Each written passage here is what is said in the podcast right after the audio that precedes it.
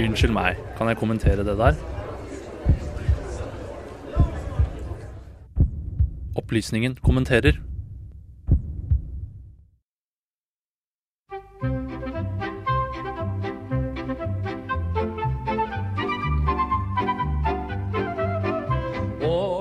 Satt i kveldinga og koste seg med skjellinga. Kroner én, kroner to, kroner tre, kroner fire, kroner fem, kroner seks, kroner sju, kroner åtte, kroner ni. Rune Bjerke og DNB. Jeg vet ikke hva jeg skal si.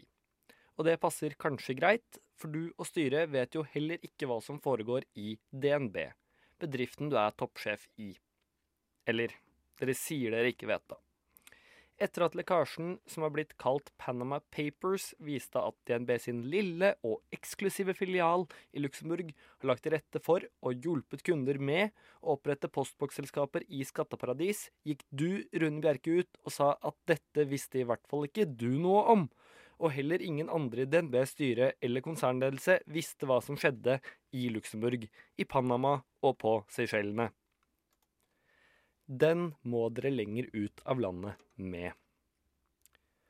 Selvfølgelig visste dere hva som skjedde, og sannsynligvis har dere også godkjent det.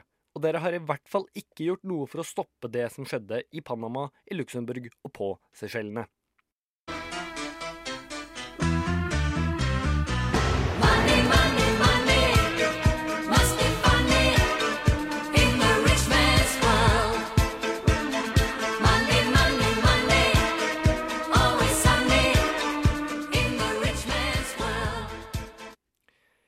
Man kan til en viss grad skjønne deg.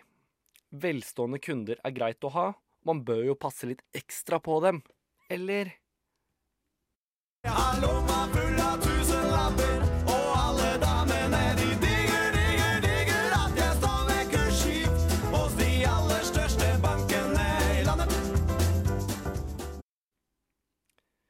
Ja.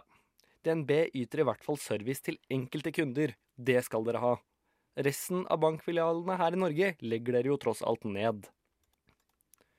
Unnskyldningen om at konsernledelsen og du som toppsjef ikke visste hva som foregikk fra Luxembourg, holder ikke vann, Rune Bjerke.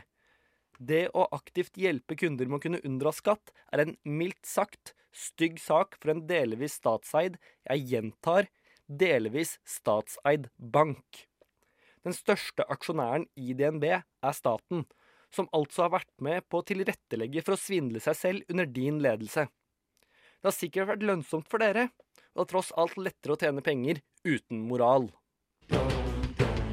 En ekte pirat er doven og lat, men for gull kan han gjerne svette. Vi er en gjeng som jobber på spreng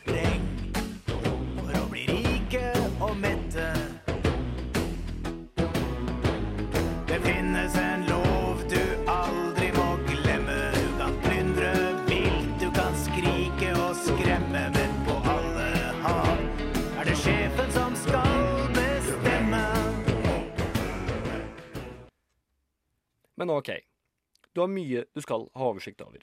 Så la oss nå anta at du snakker sant, Rune, og at du faktisk ikke visste hva som foregikk i DNB i Luxembourg. Du kan ikke skylde på at resten av styret eller konsernledelsen ikke visste, for annet Terje Turnes i DNBs konsernledelse har sittet i styret i DNB i Luxembourg i ti år, og han bør jo ha oversikt. Men litt vanskelig for deg å ha oversikt over sånne detaljer, det er klart. Men la oss nå si at du ikke visste at dere tilrettela for skatteunndragelse ved å plassere verdier for velstående kunder i skatteparadis. Det er i så fall minst like kritikkverdig. Da har du ikke oversikt over hva bedriften du er sjef i, holder på med. Selskapene i Seychellene, via Luxembourg-kontoret, er på ingen måte en engangshendelse eller et kreativt innfall fra en enkelt ansatt med dårlig moral og god serviceinnstilling. DNB har hjulpet til med det som kan være organisert bedrageri av den norske stat.